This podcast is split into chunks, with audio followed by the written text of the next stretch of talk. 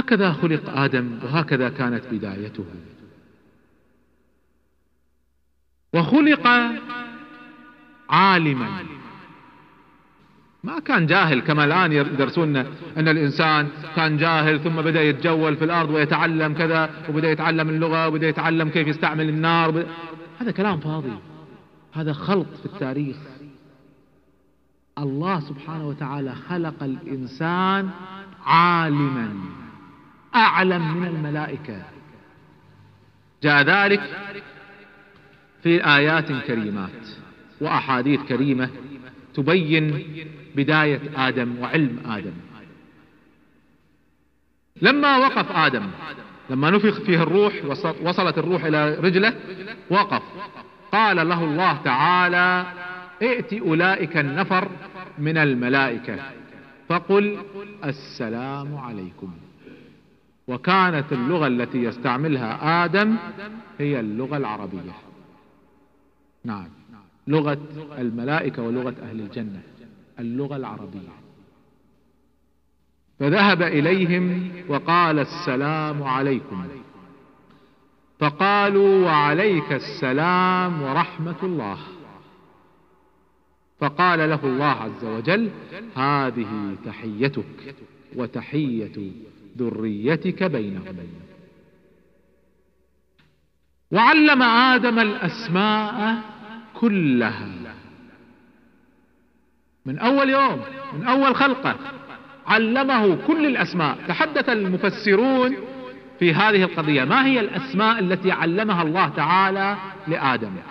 والرأي الراجح فيها وهو رأي ابن عباس أنه علمه اسم كل شيء. كل شيء. هذه دابة هذا بحر هذا طير هكذا. هذا المثال يذكره ابن عباس. هذه دابة هذا بحر هذا طير هذا شجرة هذا جبل. كل شيء في السماوات والأرض. كل شيء يعرف اسمه. أي علم هذا؟ في إنسان اليوم يعرف اسم كل شيء؟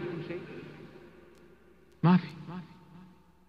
تأتيك بعض المخلوقات ما تعرف إيش اسمها. آدم يعرف اسم كل شيء. وعلمه الله سبحانه وتعالى صنعة كل شيء. الصنائع الأولى صنعة النار وصنعة الحديد وصنعة الخشب صنائع كل شيء بدايات عرف كل شيء علم عظيم. فالله سبحانه وتعالى رفعه ليس فقط بالشكل والخلق وإنما أيضا بالعقل والحلم. وعلم آدم الأسماء كلها. ثم عرضهم على الملائكة. بدأ الله سبحانه وتعالى يعرض المخلوقات على الملائكة. قال أنبئوني بأسماء هؤلاء إن كنتم صادقين. صادقين يعني إيش علاقة صادقين في الموضوع؟ تذكرون لما خلق الله آدم ماذا قالت الملائكة؟ قالوا ليخلق الله تعالى ما يشاء فوالله لن يخلق خلقا إلا كنا أكرم على الله منه وأعلم. فبين لهم أن آدم أكرم منهم وأعلم. أكرم منهم لما أمرهم بالسجود له. هذا سجود تكريم وليس سجود عبادة. وسجود التكريم كان جائزا ثم صار حراما. كان جائزا. ولذلك يعقوب عليه السلام وزوجته وأبنائه سجدوا ليوسف فخروا له وخروا له سجدا سجود تكريم. فسجود التكريم كان جائزا. أما في شرعنا فهو حرام. فملائكة سجدت سجود تكريم لآدم. إذا من أكرم؟ آدم. والآن الله سبحانه وتعالى يريد أن يبين لهم أن آدم أيضا ليس فقط أكرم منهم وإنما أعلم منهم. فإذا كنتم صادقين في قولكم لن يخلق الله تعالى فليخلق الله ما يشاء فلن يخلق خلقا إلا كنا أكرم منه وأعلم أنبئوني بأسماء هؤلاء إن كنتم صادقين. فقالوا لا علم لنا إلا ما علمتنا. قال سبحانك لا علم لنا إلا ما علمتنا إنك أنت العليم الحكيم. قال يا آدم أنبئهم بأسمائهم. فبدأ آدم يسمي كل شيء كل شيء. يعرض عليه كل شيء فما يخطئ. فلما أنبأهم بأسمائهم نبأهم باسم كل شيء. فلما نبأهم بأسمائهم قالوا آه الرجيم. ألم قال ألم أقل لكم إني أعلم غيب السماوات والأرض وأعلم ما تبدون وما كنتم تكتمون. ماذا كانوا يكتمون؟ يكتمون قولتهم. والله ما لن يخلق الله خلقا إلا كنا أكرم منه وأعلم. هذا الكلام اللي كانوا يكتمونه. فالله سبحانه وتعالى قال هذا الكلام اللي تكتمونه الآن بينت لكم. فهذا سر التعليق بهذه الصورة لاحظوا عندما نقرأ في القصص ونقرأ في السير. نبدأ نفهم القرآن. ما تفهم القرآن إلا إذا فهمت أسباب نزوله. وهذه المعاني تجلت في هذه الآيات. ثم إن الله سبحانه وتعالى خلق حواء عليها السلام. حواء. ما خلقت فورا. عاش آدم فترة في الجنة. لكنه عاش وحيدا. فاستوحش كما جاء في الأحاديث استوحش. فأصابه الضجر. في أحد الأيام بينما هو نائم أخذ الله سبحانه وتعالى ضلعا من أضلاعه من جهة اليسار. فشكل منه حواء وكسا هذا العظم لحما. يقول الله سبحانه وتعالى يا أيها الناس اتقوا الله الذي خلقكم من نفس واحدة. كلكم خلقتم من آدم. وخلق منها زوجها. فآدم خلقت منه حواء. إذا ما خلقت؟ خلق منفصل خلقت من آدم. فلما أفاق آدم عليه السلام وجد امرأة قاعدة عنده فسألها من أنت؟ قالت امرأة. قال لم خلق خلقت؟ قالت لتسكن إلي. سكن. أنس خلقها الله سبحانه وتعالى لأجل ذلك. فالملائكة شاهدوا هذه المرأة تحدث آدم فسألوه الآن مخلوق جديد ماكو مثله. مخلوقات اللي معروفة سماها هذا المخلوق الجديد أرادوا يختبروه. قالوا ما اسمها؟ إذا تعرف أسماء كل شيء هذا إيش اسمها؟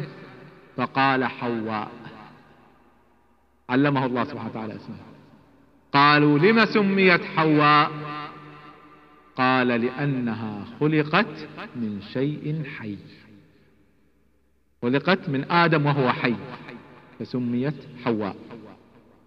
وجاء في صحيح مسلم عن أبي هريرة عن رسول الله صلى الله عليه وسلم من كان يؤمن بالله واليوم الآخر فإذا شهد أمرا فليتكلم بخير أو فليسكت واستوصوا بالنساء فإن المرأة خلقت من ضلع وإن أعوج شيء في الضلع أعلاه إن ذهبت تقيمه كسرته وإن تركته لم يزل أعوج. يعني في طبائع النساء اعوجاج في أحيانا عواطف تحكمهم ليس العقل يحكمهم أحيانا تحكمهم العواطف. فإذا تصر عليها ستكسرها. وإذا تركتها سيبقى فيها هذه العاطفة التي يجب أن تتحملها. ولذلك ختم النبي صلى الله عليه وسلم هذا الحديث فقال استوصوا بالنساء خيرا. يعني لا لا تجبروها على غير طبيعتها. فخذها بالرفق واللين. وجاء في الأحاديث الصحيحة في قصة سارة عليها السلام زوجة إبراهيم أنها كانت أجمل نساء العالمين. سارة أجمل امرأة في الدنيا بعد حواء.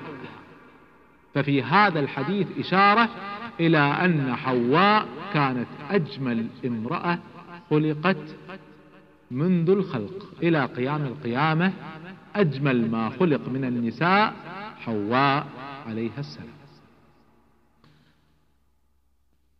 ثم إن إبليس ثم إن إبليس بدأ يوسوس. هذه الوسوسة تمت في الجنة ليست في الأرض. بعدما سكن آدم وزوجته الجنة بأمر الله عز وجل. يقول الله سبحانه وتعالى وقلنا يا آدم اسكن أنت وزوجك الجنة وكلا منها رغدا حيث شئتما. جنة عرضها السماوات والأرض. كلها متاحة لكما. ما في شيء ممنوع. إلا شجرة واحدة. ولا تقربا هذه الشجرة فتكونا من الظالمين. ويا آدم في الآية الأخرى ويا آدم اسكن أنت وزوجك الجنة فكلا من حيث شئتما رغدا. الرغد يعني الحياة المترفة. حياة ما فيها عناء ما فيها تعب رغد. فقلنا ويا آدم اسكن أنت وزوجك الجنة فكلا من حيث شئتما ولا تقربا هذه الشجرة فتكونا من الظالمين. وإذ قلنا للملائكة اسجدوا لآدم فسجدوا إلا إبليس أبى فقلنا يا آدم إن هذا عدو لك.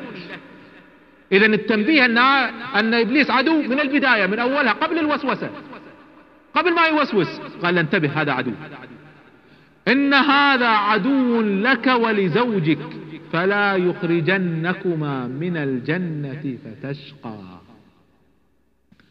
إن لك ألا تجوع فيها ولا تعرى. إذا اللي قاعد يقولون قصص تاريخ أن الإنسان كان عاري وبعدين بدأ يتعلم الملابس ما هو صحيح. الله سبحانه وتعالى أنزل عليه اللباس في الجنة وأنزل عليه اللباس في الأرض. أنزلنا عليكم لباسا يواري سوآتكم وريشا ولباس التقوى ذلك خير. فمن أول خلق آدم ما كان عاريا وما كان يعرف العري لا هو ولا زوجته. ما كانوا يعرفون العري كانوا مكسيين. من أول يوم من أول الخلق إن لك ألا تجوع فيها ولا تعرى وأنك لا تظمأ فيها ولا تضحى. ما تشعر بالعطش ولا حتى بمقدمات العطش. ما في. نعيم كامل شبع وملابس وترف ورغد حياة كريمة في منتهى الجمال. ليس فيها عناء وليس فيها شقاء.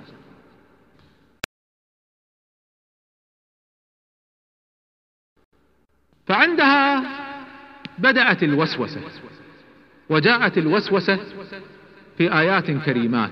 يقول الله سبحانه وتعالى ويا آدم اسكن أنت وزوجك الجنة فكلا من حيث شئتما ولا تقربا هذه الشجرة فتكونا من الظالمين.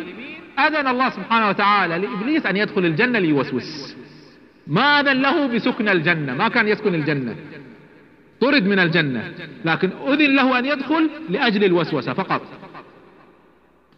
فوسوس لهما الشيطان. هذه الوسوسة تمت بأن يطمعهما. يطمعهم بإيش؟ يطمعهم بأن هذه الشجرة هي شجرة الخلد وشجرة الملك. فوسوس لهما الشيطان ليبدي لهما ما وري عنهما من سوآتهما. العورة عوراتهم مغطاة متوارية. يلبسون الثياب. لما أكلوا من الشجرة سقطت الملابس. فصاروا عراة. فالشيطان أراد أن يعريهم وأراد أن يجعلهم يعصون الله عز وجل. فوسوس لهما الشيطان ليبدي لهما ما وري عنهما من سوآتهما وقال ما نهاكما ربكما عن هذه الشجرة إلا أن تكونا ملكين أو تكونا من الخالدين. لو أكلت من الشجرة ما راح تصيروا بشر راح تصيروا ملائكة. وستكونون خالدين. فطمعهم بهذه الأمور. وقاسمهما. يعني بدأ يحلف الأيمان بالله عز وجل. إني لكما لمن الناصحين. بدت الأيمان المغلظة على هذه المسألة. فدلاهما بغرور. ضحك عليه جرهم. إلى شيء ما كانوا يحتاجونه. عايش في الجنة أصلا. أنت موجود في الجنة ماذا تريد؟ وخالد في الجنة ماذا تريد؟ لكن سبحان الله الإنسان يبقى في عقله شيء من نقص. فلما ذاق الشجرة بدت لهما سوآتهما. سقطت الثياب وظهر عاريين. فاستحى آدم واستحت حواء وهذا في أصل خلقة الإنسان الحياء. التعري يأباه تأباه فطرة الإنسان. منذ آدم عليه السلام ما يحبون التعري. فلما تعروا استحوا. ما عندهم ثياب زالت الثياب اختفت الثياب. فطفقا يخصفان عليهما من ورق الجنة. بدأوا يقطعون الأشجار ورق الجنة ويحطونها على جسمهم حتى لا يظهرون عاريين. وفر آدم بدأ يجري. فهنا ناداه الله عز وجل. جاء في الحديث لما فر آدم. أن الله سبحانه وتعالى ناداه يا آدم أتفر مني؟ تفر من الله. وين راح تروح؟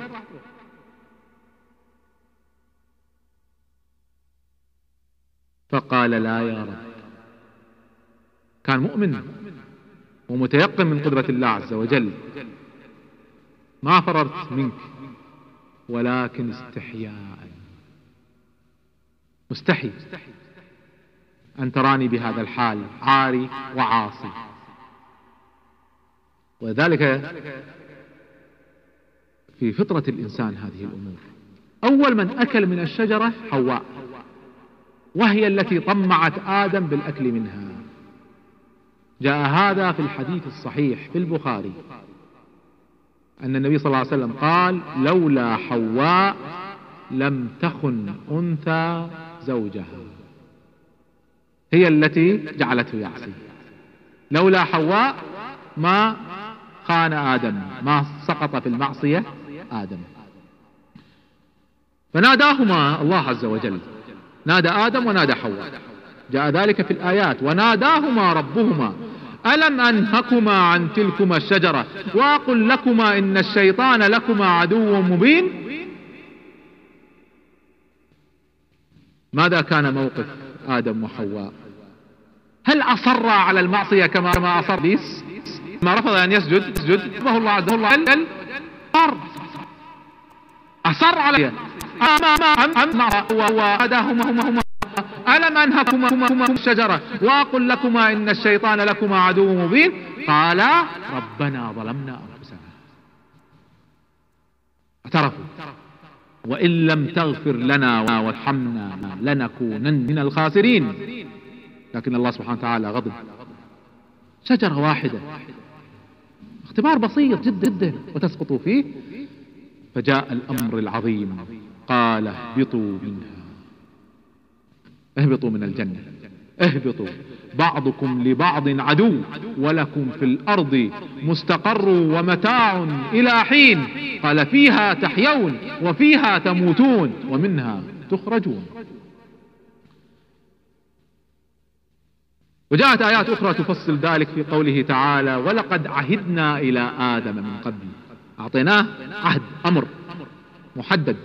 ولقد عهدنا إلى آدم من قبل فنسي. نسى الأمر. ولم نجد له عزما. العزم هو عدم أخذ الرخص يعني أخذ النفس بالشدة والقوة. ما كان من أهل العزم. ليس من أهل العزم من الرسل. وإذ قلنا للملائكة اسجدوا لآدم فسجدوا إلا إبليس أبى. فقلنا يا آدم إن هذا عدو لك ولزوجك فلا يخرجنكما من الجنة فتشقى. إن لك ألا تجوع فيها ولا تعرى وأنك لا تظمأ فيها ولا تضحى. فوسوس إليه الشيطان قال يا آدم هل أدلك على شجرة الخلد وملك لا يبلى؟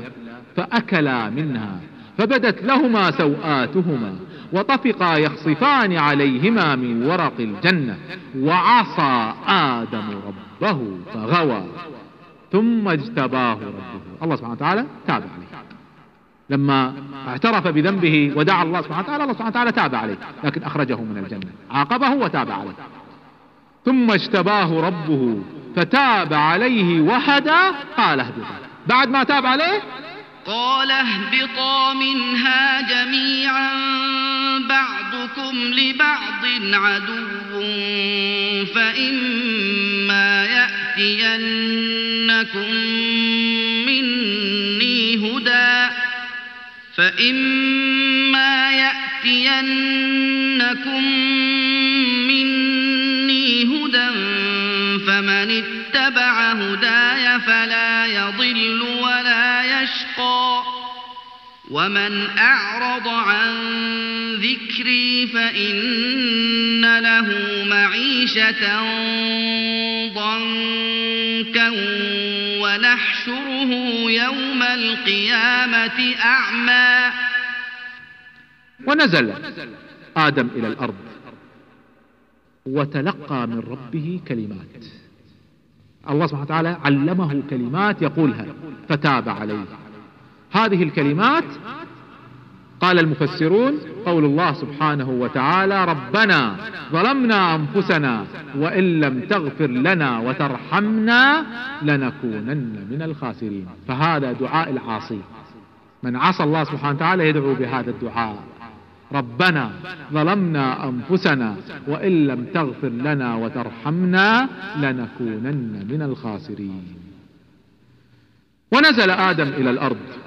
ونزلت معه حواء وأنزل معهم إبليس. أين نزل؟ اختلف الرواة لكن الرأي الراجح ما رواه ابن عباس رضي الله عنه. قال أهبط آدم بالهند. نزل في الهند. ونزلت حواء بجدة مدينة جدة المعروفة فجاء في طلبها بدأ يبحث عنها في الأرض. حتى اجتمعا وتعارفا بعرفات. فبذلك سمي عرفات. تعارف به آدم وحواء. ثم بث الله سبحانه وتعالى البشر وبث منهما رجالا كثيرا ونساء. يروي الطبري أن حواء ولدت لآدم أربعين ولدا. في عشرين بطن. عشرين مرة ولدت. كل مرة تلد توأم. في كل واحد ذكر وأنثى. أولهم قابيل وأخته قليمة وآخرهم عبد المغيث وأخته أم المغيث. وبدأ البشر يكثرون ويتناسلون. وكان نبيهم آدم. هو كان الذي يعلمهم الدين وكانوا كلهم موحدين. كان الناس أمة واحدة على التوحيد. كلنا. كلهم موحدين ما فيهم مشرك. يقول ابن حبان في صحيحه يروي عن النبي صلى الله عليه وسلم حديث أن أبا ذر سأل النبي صلى الله عليه وسلم قال من, من كان أول الرسل؟ قال آدم. فقال أبو ذر نبي مرسل فقال النبي صلى الله عليه وسلم نعم. فهو ليس فقط نبي وإنما أيضا رسول. نبي مرسل خلقه الله بيده ثم نفخ فيه من روحه ثم كلمه قبلا. الله سبحانه وتعالى كلم آدم بدون ترجمان بدون وحي بدون واسطة بدون جبريل. كلام مباشر كان لآدم. ويروي ابن جرير وابن كثير وغيرهما عن ابن عن أبي موسى الأشعري رضي الله عنه أن الله سبحانه وتعالى حين اهبط آدم إلى من الجنة إلى الأرض علمه صنعة كل شيء. إذا نزل عالما ونزل مكسيا ونزل يعرف طرق الصناعة الصناعه الرئيسيه بداياتها. صناعة الحديد وصناعة النار وصناعة الخشب وصناعة المنسوجات وغيرها كانوا يعرفونها من أول الخلق. على عكس الذي يعلم الناس اليوم إن بعدين تعلم الناس هذه الأشياء كلا.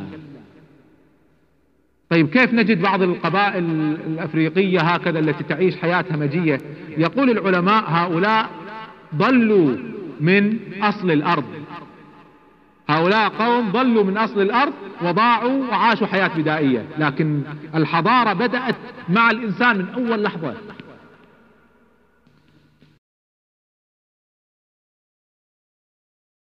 ورأينا كيف كانت المعصية الأولى لله عز وجل حيث رفض إبليس لعنه الله أن يسجد لآدم رغم أن الله سبحانه وتعالى قد أمره صراحة بذلك ما منعك أن تسجد إذ أمرتك.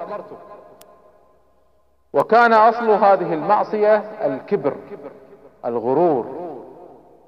وهذا كما يقول العلماء أصل المعاصي. لما يشعر الإنسان أنه أفضل من غيره. أنه خير من, غير من غيره. وذلك كررها إبليس عدة مرات. أنا خير منه. أنا خير منه. ليش خير منه؟ خلقتني من نار وخلقته من طين. القضية ليست من أي بلد أنت من أي قبيلة أنت من أي عائلة أنت. هذه لا تغني. هذا الذي يتفاخر على الناس بمثل هذا إنما يقلد إبليس. أنا خير منه. خلقتني من نار أما آدم عليه السلام فلما عصى تلقى من ربه كلمات فتاب عليه. تاب. اجتباه ربه فتاب عليه وهدى. ما أصر على المعصية. إبليس لما خاطبه الله عز وجل لماذا لم تسجد؟ أصر. أما آدم عليه السلام لما خاطبه الله عز وجل لما عصيت قال ربنا ظلمنا أنفسنا. اعترف. وإن لم تغفر لنا وترحمنا لنكونن من الخاسرين. فهذا فرق هائل ما بين معصية آدم ومعصية إبليس. أما إبليس فأصر على المعصية واستكبر فاستحق بذلك النار والخلود في النار. وأما آدم فرغم أنه عصى وخالف أمر الله كما فعل إبليس. إبليس خالف أمر الله وآدم خالف أمر الله. لكن إبليس أصر أما آدم فاستغفر. ولذلك يقول العلماء رحمهم الله لا صغيرة مع إصرار ولا كبيرة مع استغفار. إذا عصيت اعترف. واستغفر وارجع إلى ربك. فيجتبيك ويتوب عليك. أما الذي يصر على المعصية فهذا الذي يستحق العقوبة من الله سبحانه وتعالى. ورأينا كيف هبط آدم وزوجه إلى الأرض وعاشوا في الأرض. وكان كما ذكرنا عالما ليس فقط في أمور الدين بل في أمور الدنيا. علمه الله سبحانه وتعالى من كل شيء وعلمه الأسماء كلها وعلمه صنعة كل شيء وكان مكسيا ما كان عاريا. لا كما يوهموننا اليوم بأن البشر بدأوا عراة لا يعرفون شيئا. لا نزل وهو يعلم. وعاش آدم وحواء في الأرض. وبث الله سبحانه وتعالى منهما رجالا كثيرا ونساء. في إحدى الروايات أن آدم عاش ألف عام وهذا في أرجح الروايات عاش ألف سنة ورأى من ذريته ومن أحفاده وأحفاد أحفاده أعداد هائلة. في الإسرائيليات أنها وصلت أربعمائة ألف. فالقصد بغض النظر عن الإسرائيليات النبي صلى الله عليه وسلم قال لنا في الإسرائيليات لا تكذبوها ولا تصدقوها. لكن بالتأكيد أنه بث البشر هذا موجود في القرآن وبث منهما رجالا كثيرا ونساء. من آدم وحواء انتشر البشر أعداد كبيرة من البشر. ومن أوائل أبناء آدم وفي رواية أنه أول أولاد آدم قابيل. وذكر الله سبحانه وتعالى لنا قصة قابيل مع أخيه هابيل في كتابه الكريم. والقصة أن قابيل كان في طبعه خشونة وشدة. وأما قابيل أو أما هابيل فكان فيه ليونة ورقة. وكان قابيل يعمل بالزراعة.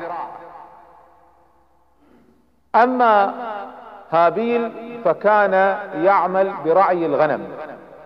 وهذه مسألة تحتاج رحمة وعاطفة يحتاج يرحم الحيوان. ما يراه جائع فيتركه أو يراه عطشان فينساه أو يراه ضعيف فيثقل عليه. فيها مسألة الرقة. وكانت البشرية محتاجة إلى قانون مختلف لكي تتناسل.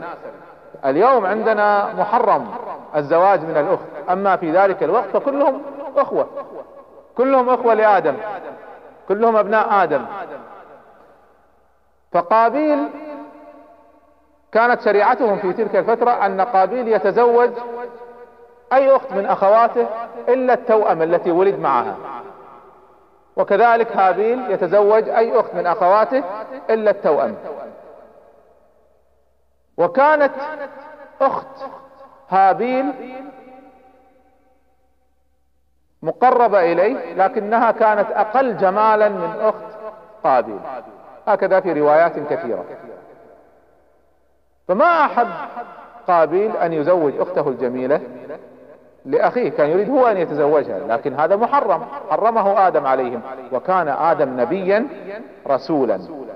والرسول هو الذي له شرع له قوانين. أما النبي فليس له شرع. نعم يوحى إليه ويأتيه الملك وتكون له معجزات لكن ليس له شرع. وإنما يتبع شرع رسول من الرسل. فآدم عليه السلام كان رسولا كان له شرع. ومن شرعه أن لا يتزوج الأخ الأخ أخته التوأم. فقابيل غضب من هذا الشرع. ما أعجبه ثم إن آدم أيضا شرع لهم تقديم القرابين. والقربان هو هدية تهدى لله سبحانه وتعالى. كما عندنا اليوم الهدي. الهدي ما هو؟ هو هدية نهديها لله سبحانه وتعالى. نذبحها لكن نوزعها الفقراء. لكن أصلها النية أنها لله سبحانه وتعالى. فهذا الذي يسمى القربان. فكان لهم شرع القرابين وكانت عندهم علامة في قبول القربان أنه تأكله النار. إذا مقبول تأتي صاعقة أو تأتي نار فتأكل هذا القربان فمعناها أن الله سبحانه وتعالى قبله. والذي لا تأكله النار غير مقبول. فجاءوا في يوم تقديم القرابين فقدم هابيل أفضل المواشي عنده. اختار أفضل شيء وقدمه قربانا لله سبحانه وتعالى. أما قابيل فجاء بزرع نتن يعني ما فيه ما هو صالح للأكل فقدمه قربانا. فلما جاءوا في اليوم التالي وجدوا أن قربان هابيل قد قبل. وقربان قابيل كما هو لم تمسه النار. فزاد حنق قابيل على هابيل زاد غضبه. هو أصلا لا يريد أن يتزوج. أخته والآن زادت جاءت قضية القرابين ووسوس له الشيطان. فقال له اقتل أخاك. فعزم على ذلك. وما كان القتل عندهم معروفا. أول جريمة تحدث في التاريخ. فذهب وأخبر أخاه. فرد عليه هابيل قال إذا تقتلني أنا لن أدافع لن أبسط يدي ولن اقتلك وستكون مع آثامك التي تفعلها ستزداد اثما بقتلك لي فتبوء بإثمي وتضيفه إلى الآثام الذي التي عندك. وفعلا في ليلة سوداء بينما كان هابيل نائما جاء قابيل بصخرة فهشم بها رأس أخيه فقتله. أول جريمة في التاريخ جريمة قابيل في قتله لأخيه هابيل. واحتار ماذا يفعل بأخيه. يعني قتله ما أول مرة واحد يموت عندهم. ما في أحد مات قبل هابيل. فما يعرفون ماذا يفعلون؟ بالموتى فرأى أخاه ميتا واحتار ماذا يفعل. ثم حمل جثة هابيل على ظهره وبدأ يمشي فيها ومو عارف إيش يسوي. بينما هو كذلك إذ أنزل الله سبحانه وتعالى غرابين. فتقاتل الغرابين فقتل أحدهما الآخر. ومات الغراب أمام نظر قابيل. ثم إن الغراب الحي بدأ يحفر في التراب ودفع بجثة الغراب الميت ثم حثى عليه التراب. فتعلم قابيل من الغراب كيف يدفن أخاه. فحفر في الأرض ووضع هابيل في التراب وغطى عليه التراب. وأصبح نادما. أصبح نادما. كيف فعل ذلك؟ لكنه ما استغفر. تندم وما استغفر. والتوبة النصوح لا يكفي فيها الندم. ما يكفي إن الإنسان يتألم إنه فعل شيء غلط. لابد أن يستغفر. لابد أن يطلب المغفرة من الله سبحانه وتعالى. في هذه القصة ذكر لنا الله سبحانه وتعالى في الكتاب الكريم ما حدث بين قابيل وهابيل. قال تعالى واتل عليهم نبأ ابني آدم بالحق إذ قربا قربانا فتقبل من أحدهما ولم يتقبل من الآخر. قال لأقتلنك. قال إنما يتقبل الله من المتقين. لئن بسطت إلي يدك لتقتلني ما أنا بباسط يدي إليك لأقتلك. إني أخاف الله رب العالمين. إني أريد أن تبوء بإثمي وإثمك. يعني بالإضافة إلى آثامك تضيف لها إثم قتلي. فتكون من أصحاب النار وذلك جزاء الظالمين. فطوعت له نفسه قتل أخيه فقتله فأصبح من الخاسرين. فبعث الله غرابا يبحث في الأرض ليريه كيف يواري سوءة أخيه. قال يا ويلتى أعجزت أن أكون مثل هذا الغراب؟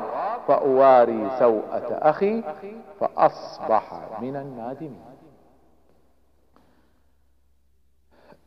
روى الإمام أحمد وأبو داود والترمذي عن سعد بن أبي وقاص رضي الله عنه أنه قال عند فتنة عثمان بن عفان لما صارت الفتنة على عثمان بن عفان قال سعد أشهد أن رسول الله صلى الله عليه وسلم قال إنها ستكون فتنة. القاعد فيها خير من الساعي. قال أفرأيت إن دخل علي بيتي؟ يعني أنا معتزل الفتنة. واحد دخل علي بيتي في وقت الفتنة فبسط يده إلي ليقتلني.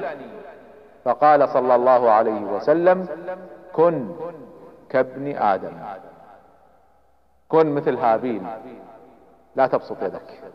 في وقت الفتن حتى لو حاول يقتلك كن في الحديث الآخر كن عبد الله المقتول ولا تكن عبد الله القاتل. وفي حديث يرويه الإمام أحمد والجماعة يروونه كذلك إلا أبو داود أن رسول الله صلى الله عليه وسلم قال ولا تقتل نفس ظلما. ما في إنسان يقتل مظلوم إلا كان على ابن آدم الأول. قابيل كفل من دمها. كل إنسان يقتل جزء من الإثم يذهب على قابيل إلى يوم القيامة. انظروا هذه الجريمة. ما هو فقط قتل لهابيل وإنما لأنه جعلها سنة. من فعل سنة سيئة فعليه إثمها وإثم من عمل بها إلى يوم القيامة. كل إنسان يقتل. فالنبي صلى الله عليه وسلم يقول ولا تقتل نفس ظلما إلا كان على ابن آدم الأول كفل من دمها لأنه كان أول من سن القتل.